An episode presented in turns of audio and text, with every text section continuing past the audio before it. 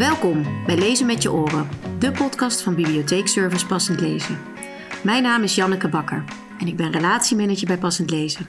En stap in mijn auto, rijd het hele land door om zoveel mogelijk te praten en te vertellen over passend lezen. Vandaag zijn we bij professor Arjan van der Leij. Hij heeft onderzoek gedaan naar dyslexie. En we praten met hem over hoe kinderen met dyslexie en andere leeshandicaps het beste kunnen lezen. Welkom. Ja, dankjewel. Leuk dat we hier vandaag bij jou thuis, dat we hier langs mogen komen om te praten over uh, lezen. Ik zie alleen maar boeken achter je staan. Je bent een vooraanstaand expert op het gebied van leesontwikkeling en toegankelijk lezen. Uh, en je hebt je expertise ingezet om de kwaliteit en toegankelijkheid van leesmateriaal voor mensen met een leesbeperking te verbeteren. Kan je hier voorbeelden van geven? Um, ja, misschien even eh, terug naar de 70er jaren. Ik ben begonnen te werken in 1971. En uh, op dat moment waren er natuurlijk al, en ik was daar schoolpsycholoog. Um, en uh, kinderen in speciaal onderwijs, maar ook in het gewone onderwijs. En er waren natuurlijk veel kinderen met leesproblemen, leesachterstanden enzovoort. Maar op dat moment, 70 jaren, was er eigenlijk heel weinig leesmateriaal. De aangepast leesmateriaal bestond niet. Nou, in 77 ben ik naar de VU gegaan om daar uh, als docent uh, te werken en promotieonderzoek te doen. En toen, uh, met al die kinderen die ik inmiddels dus leren kennen, had leren kennen op die scholen, in gedachten, dacht ik van, wat kunnen we daar nou aan doen? En op die manier kwam ik op eigenlijk twee sporen. Boekjes voor moeilijk le lezenden, zeg maar. Wat jullie nu kinderen met een leesbeperking noemen aangepast materiaal. Dus dat is vereenvoudigde, eigenlijk wereldliteratuur was het voor het over het algemeen. En dat was nog in gestencelde vorm, niet of je dat kan voorstellen, maar dat was dan allemaal heel goedkoop, goedkoop, goedkoop. Maar daar stond tegenover dat, dat, dat iedereen het, hè, zeker in het speciaal onderwijs, dat kon gebruiken. Dus uh, Schat-eiland, dat soort uh, Robinson Crusoe, dat was allemaal terugvertaald. Uh, kortere zinnen, geen samengestelde zinnen, nou fijn, et cetera. En het tweede was van de kinderen die echt hele ernstige problemen hadden, die, die kwamen zover eigenlijk niet. En toen eh, heb ik de kijk- en luistermethode bedacht. Want wat er toen in was, dit is echt opa verteld uit de stenen tijdperk, de cassette recorder. Met al zijn varianten. De Walkman later, weet je wel. Dus ik bedoel dat. En toen dacht ik van, als we nou die kinderen die boekjes geven, uh, en een cassettebandje erbij. Dan kunnen ze meelezen. Kunnen ze luisteren, lezen, kijken en luisteren. Nou ja, dat is eigenlijk het begin geweest van uh, die twee stromen. Boekjes uh, terugvertalen naar makkelijk lezen. En, en dan compenserende hulp, om het even zo te zeggen. Want audiohulp is natuurlijk compenseren. Dus ze lezen zelf niet meer alleen, want ze, hebben, ze kunnen terugvallen op de audio. Op het audiosignaal. Nou, dat is eigenlijk het begin geweest van mijn bemoeienis met, laten we zeggen, leesmateriaal. Methode. Ik heb ook nog wat uh, boekjes. Want wat had ik nou genomen? Want dat is ook nog even een ding. Wat neem je als uh, inhoud? En ik vond, was erg gecharmeerd van deze serie, de mini-informatieserie. Oh, die ken ik nog wel van vroeger, ja. Van uh, De Ruiter in Gorkum. En wat gebeurde er nou mee? dit zijn simpele boekjes. Kijk, als er al een illustratie is, zit hij er naast de tekst is altijd los van de illustratie. Aan de ene kant de illustratie, aan de andere kant de tekst. En dan was deze tekst werd voorgelezen eh, op een gewoon rustig leestempo. En dan hadden die kinderen dus drie bronnen. Ze hadden de tekst, ze hadden het beeld, want ze hadden natuurlijk die illustratie. Het is, het is non-fictie, het gaat ergens over. Uh, sorry, dat heb ik niet gezegd.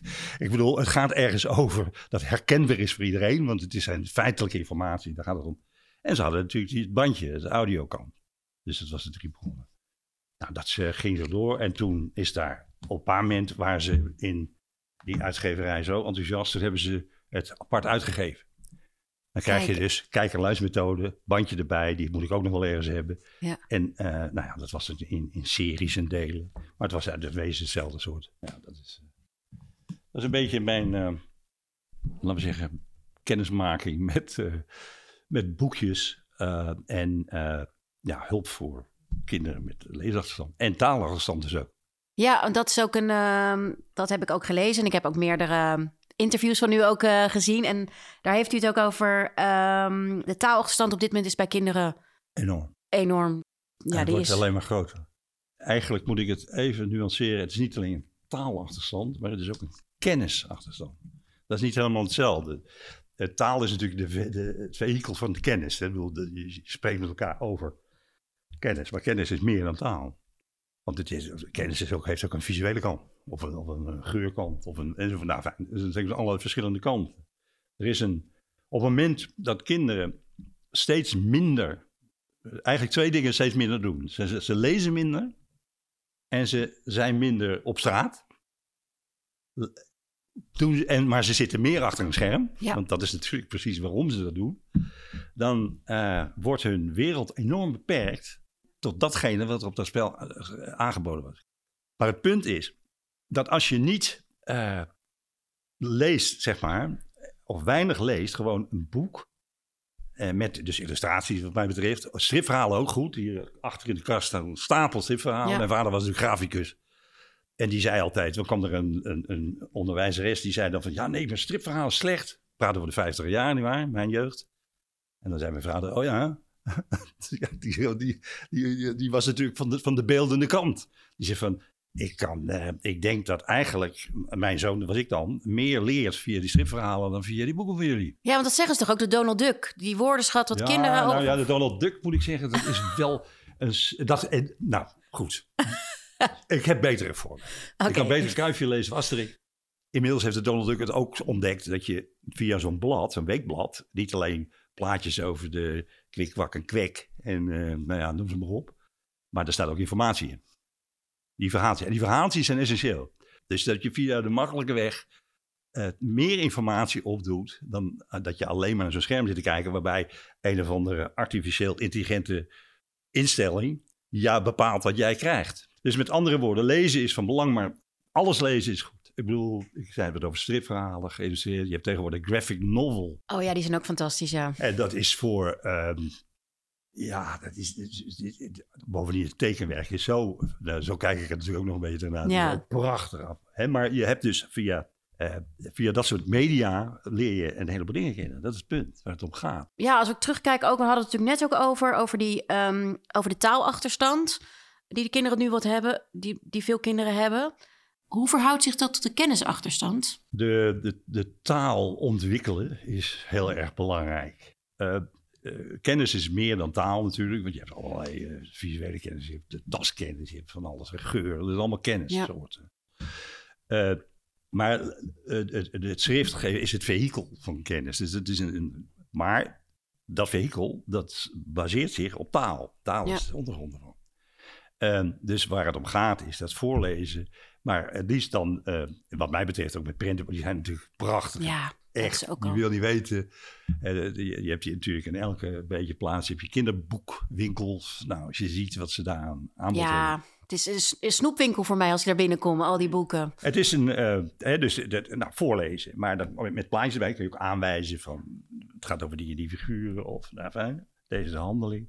Ehm, dat is natuurlijk uh, heel erg belangrijk. En er zijn een heleboel kinderen die daar om allerlei redenen minder van krijgen. Er is Amerikaans onderzoek van hoeveel woorden worden tot kinderen gericht in hun eerste drie levensjaren.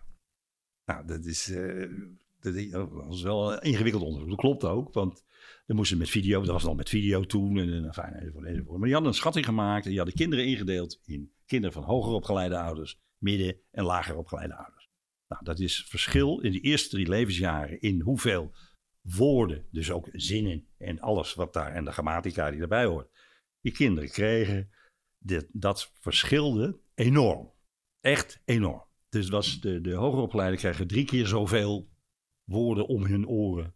En dan denk je, dan wordt de hele dag gepraat. Dat is ook niet zo. Maar er wordt gewoon veel meer gepraat. Ja. En door iedereen. En dus dat is een en dus met andere woorden, het aanbod van de taal is heel erg cruciaal. En er wordt in sommige gezinnen wordt nauwelijks gesproken. Kan je je voorstellen? Nee, kan je niet voorstellen, nee. Nee, maar dat is dus wel zo.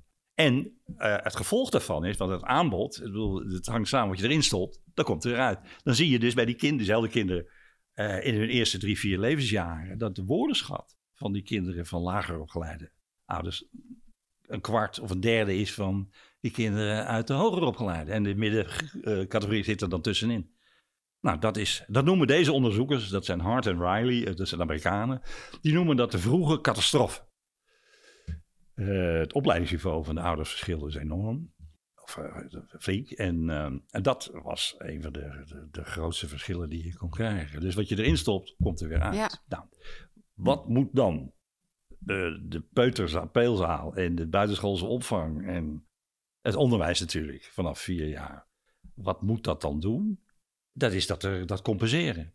Dat heet de compenserende kwaliteit van het onderwijs. Dus wat, je, wat er thuis niet ingaat, dat stop je in het onderwijs wel in. Maar dat is natuurlijk buitengewoon ingewikkeld om te doen. Want je hebt ook groot verschil dan tussen kinderen in de Ja. klas. En het is natuurlijk net of, ja, ik zou zeggen, of de duivel ermee speelt. Maar is het ook de kinderen die gemakkelijk de taal hebben leren beheersen thuis, die pikken ook elk nieuw stukje van taal makkelijker op. Want die hebben al een berg en dat stapelt maar op. En die anderen hebben een heuveltje en dat stapelt minder snel op. Als je, als je in één groep kinderen hebt met een grote woordenschat en een kleine woordenschat, want wij op woordenschat. En je gaat er een heleboel woordenschat in gooien in die hele groep. Dan gaan die hoger eh, op. Die kinderen met die grotere woordenschat profiteren er meer van. Want die leren sowieso, die hebben beter idee over taalstructuren en grammatica en noem maar op. Dus met andere woorden, als je die compenserende kwaliteit wil waarmaken in het onderwijs, moet je de, de have-nots, degene die er het niet hebben, die moet je positief discrimineren. Nou, dat is in onderwijsland een heel moeilijk ding. Hoor. Dat betekent dus dat je voorrang geeft aan een subgroep van de klas. Even los van hoe je dat doet, hè? Ja, Uh, en dat is, uh, nou ja, is in de Nederlandse regel, de regel en wetgeving ook niet. Hè? Je, dat, dat is heel erg. Maar goed, onder invloed van een aantal uh, sociologen in de, in de 60 jaren is in de 70 jaren het achterstandsbestrijdingsbeleid in onderwijs gekomen. Dus met andere woorden, scholen die veel kinderen van lager opgeleide ouders hadden, die kregen meer geld. Dat bestaat nog steeds. Dat heet natuurlijk anders tegenwoordig, maar dat bestaat nog steeds. Dat betekent dus eigenlijk dat ze uh, twee dingen konden doen. Ze konden kleinere klassen maken. Ja, dat, gaat over één of twee leerlingen per klas. Gaat niet over tien. nee, dus niet opeens dat je van 30 naar uh, 10 gaat, nee. Dat zou helpen. Maar over zoveel geld is het natuurlijk Nee. niet. Want de, de variatie wordt daar niet kleiner van, echt. Maar als je met uh, de kinderen die het het moeilijkste hebben, speciaal buiten de klas, in kleine groepjes of individueel, uh, dan heb je een veel groter succes. Dus dat, dat soort geld, dat kan daarin gaan zitten. Dus die kinderen eigenlijk met een taalachterstand hebben dan ook eerder leesproblemen? Nou ja, dat is niet één op één, maar het punt is, ze lezen minder. En dat ligt er aan wat je het leesprobleem. Kijk, dyslexie, dat gaat door alle gezinten en alle opleidingsniveaus heen. Want dat is een erfelijk verschijnsel. Ik bedoel, dat ga je zo ook vragen, dus dat kan ik meteen zeggen. Dus dat, dat is onafhankelijk eigenlijk van de context in het gezin.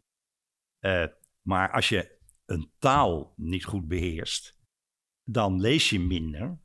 Of je leest op lager niveau en dan Ja. breidt die taal zich ook minder uit. Zo simpel is het wel. Ja, het is natuurlijk niet per se een leesprobleem. Je moet het alleen inhalen. Je moet een inhaalslag je hebben kunt ze nodig. dat beter leesachterstand Ja, noemen of taalachterstand noemen. Ja, eh, ten opzichte van, want het is eigenlijk een milieukwestie. Het komt uit de omgeving. ja. Eh, het is niet, zit niet ergens erfelijk in het DNA. eh, wat met dyslexie dus wel het geval is. Ja. Dat is natuurlijk even een heel ander verschijnsel.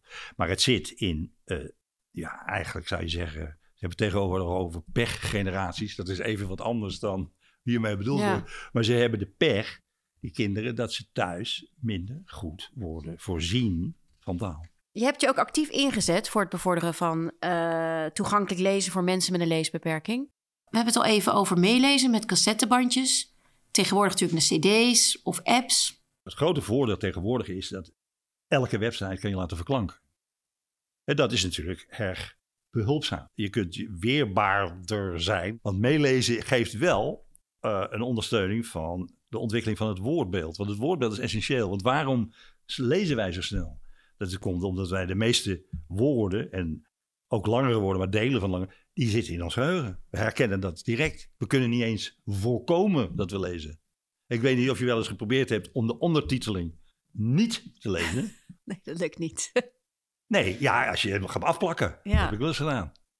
Of je gaat je hand ervoor houden. Het is, als je geautomatiseerd leest, want dan heb je je hele, dat, dat leeswoordenschap, die zit in je geheugen. Je herkent dat dus zo snel, daar kan je met je uh, bewuste je, hè, wil niet tussenin. Het is geautomatiseerd, zoals het Dus het is een, een, een, een ding dat je niet kan voorkomen. Je kan niet voorkomen dat je leest. En dat is, een, dat is dus eigenlijk een teken van geautomatiseerd lezen. Hè, vloeiend. Uh, maar goed, inderdaad, mensen die dat niet hebben, die dus niet vloeiend lezen, ja, die zijn afhankelijk van. En uh, dan is het wel makkelijk. Je hebt tegenwoordig niet alleen de audio kan, maar via allerlei uh, compenserende leesmiddelen, zeg maar, kun je ook uh, bepaalde woorden meer markeren. Langere woorden bijvoorbeeld, meer informatieve woorden. Zodat het een beetje handiger wordt hoe je zo'n tekst moet... Ja. Wij hebben veel audioboeken bij passend lezen. En je kan ze ook sneller zetten, langzamer zetten. Dus dat helpt ook, ook heel erg. En of voor de jeugd hebben we ook karaoke lezen. En of dat, dat is dus inderdaad ook dat lezen en luisteren tegelijk. nou ja, dat is eigenlijk het belangrijkste. Voor nou kinderen. ja, je, wat je doet is, het punt is dit, als je alleen luistert, dan wordt, wordt, gebeurt er niks met het woordbeeld van jou. Nee. Want je, er zijn geen woorden die je leest, zeg maar. Het is geen schrift. Als we ook kijken van uh, hoe krijgen we dan kinderen aan het lezen, is eigenlijk ook hun interesse te wekken. Ja, waar, waar, waar hou je van? Als jij zo'n zo'n serie kijk- en luisterboekjes, hè, gewoon hè, de, de dierentuin, de hond, hier turnen, de gorilla, nou, prachtig kamperen. Ja. Ik bedoel, het is er een zootje ongeregeld, zou je zeggen. Als je dat voorlegt aan kinderen, van zeggen van nou, welk boekje willen lezen, dan hebben ze altijd meteen een voorkeur. Want dan vinden ze, ze hebben thuis een hond, nou oké, okay, hond. Of uh, ja, kamperen gaan, nou fijn, dan gaat het, zo gaat dat. En dan laat je ze dat, dan zeg je oké, dan krijg je dit boekje met dat, zo ging dat vroeger.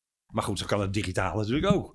Dus via hun interesse kom je binnen. En dan het grappige is, dat als ze dat eenmaal dan, dat via hun interesse, komen ze langzamerhand wel op andere dingen. Want een paar mensen is het aantal boekjes over honden is op.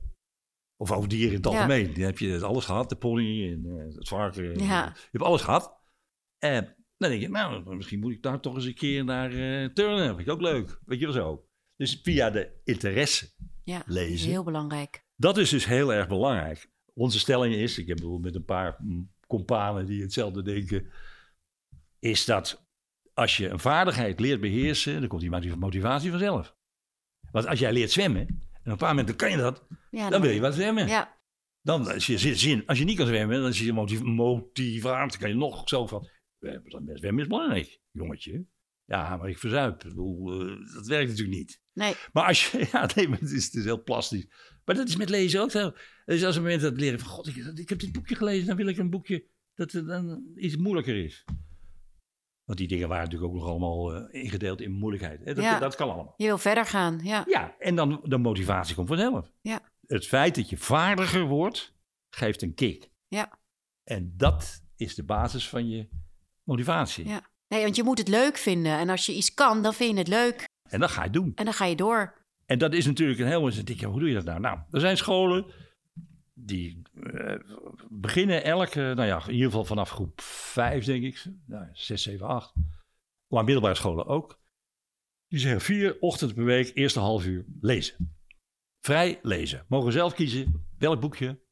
Uh, controleren of ze het, uh, het moet, in ieder geval als ik wil geen herrie maken. Dus, en dan laat je ze lezen en dan zeg je nou oké, okay, na een half uur ga je gewoon les doen. Ja. Dat is leesstimulering op een hele uh, gemakkelijke manier. Deze podcast hebben we ook onder andere gemaakt voor speciale, speciaal basisonderwijs, AOB'ers, onderwijsbegeleiders. Wat voor tips zou je deze mensen willen geven? Je begint met voorkomen. Nou, dat, de speciaal onderwijskinderen is dat vaak al niet meer het geval.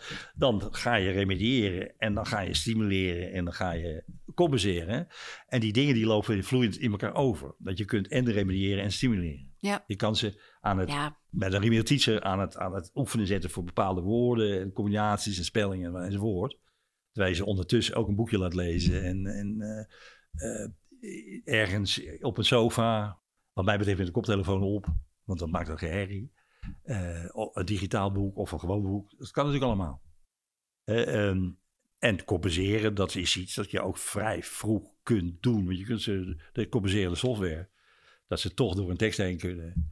Zonder dat allemaal letterlijk te hoeven lezen. Dat bestaat natuurlijk ook. Er is zoveel mogelijk voor kinderen, voor leraren om aan te bieden, om ze te helpen. Nou, de mooie afsluiting. Ik wil je heel erg bedanken. Graag gedaan, heet dat. Bedankt voor het luisteren naar deze podcast. Heb je genoten van wat je hebt gehoord? Laat het ons weten. We zijn altijd benieuwd naar jouw feedback en suggesties voor toekomstige afleveringen. Laat een recensie achter via je favoriete podcast-app of stuur ons een bericht via onze social media. Wil je nog meer lezen met je oren? Abonneer je dan op Lezen met je oren en mis geen enkele aflevering. We hebben namelijk nog veel meer geweldige verhalen en interessante gesprekken in petto.